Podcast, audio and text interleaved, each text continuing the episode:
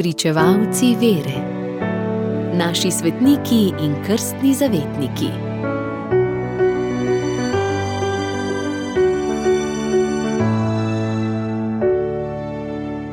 Danes, 29. decembra, goduje sveti Tomaš Becket, škof in mučenec iz 12. stoletja.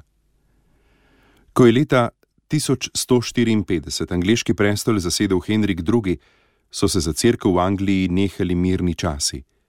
Brž, ko je prišel na oblast, si je lastil nadzorstvo nad škofijami in opatijami. Pri tej politiki ga je podpiral njegov kancler Tomaš Becket. Prisluhnimo zgodbi njegovega življenja in izvedeli bomo, zakaj ga crkva časti kot svetnika. Tomaš se je rodil v Londonu, najbrž leta 1118. Njegovi starši so bili normanskega rodu. S 17 leti je odšel na Pariško univerzo, po vrnitvi študija, po vrnitvi v domovino, pa je sprejel službo knjigovodje in se temeljito seznanil s pravnimi in davčnimi vprašanji kraljevine. Ko mu je bilo 25 let, se je srečal s Canterburyjskim načkofom, tam mu je omogočil študij prava v Boloniji in Okserju, na to pa ga je imenoval za svojega diakona. Toda na tem mestu je ostal malo časa, kajti kralj Henrik ga je ob nastopu svoje vladavine imenoval za kanclerja in Tomaš je pokazal izredne diplomatske sposobnosti in globoko privrženost kroni. Pridobil se je spoštovanje in prijateljstvo kralja, da ga je ta, po smrti načkofa, dal izvoliti za kenterburijskega načkofa in primasa angliške cerkve. Tomaš se je temu upiral, ker je bil sam pri sebi trdno prepričan, če postane škof, ne bo mogel biti nepopustljiv, neuklonljiv in neposveten škof. Poznal pa je tudi kralja in odkrito mu je povedal: Najno zdaj tako veliko prijateljstvo se bo spremenilo v najhujše sovraštvo.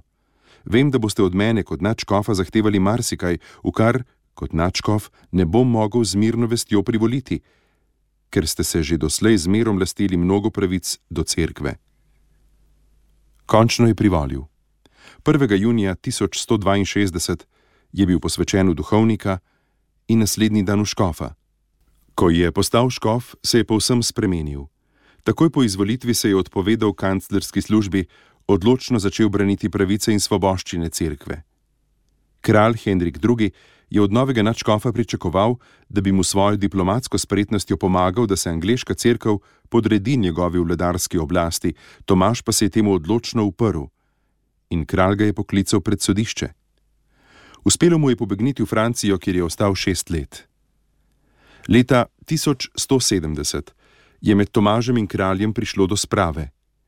Ko se je Načkov vrnil v Canterbury, je brž spoznal, da kralj ni bil iskren, in ko je kralj izvedel, da je Tomaž njemu zveste škofe izobčil, je pobesnel, v navalu jeze je vzkliknil: Ali res ni nikogar, ki bi me rešil tega nadležnega farja?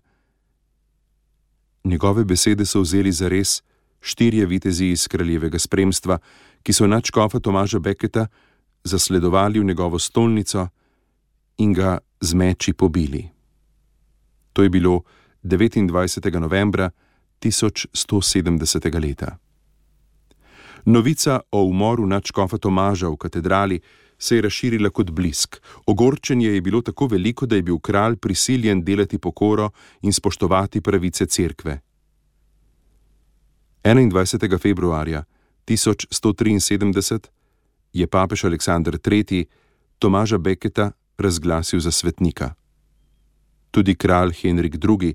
se je pridružil množici romarjev, ki so začeli obiskovati mučenčev grob takoj po njegovi smrti.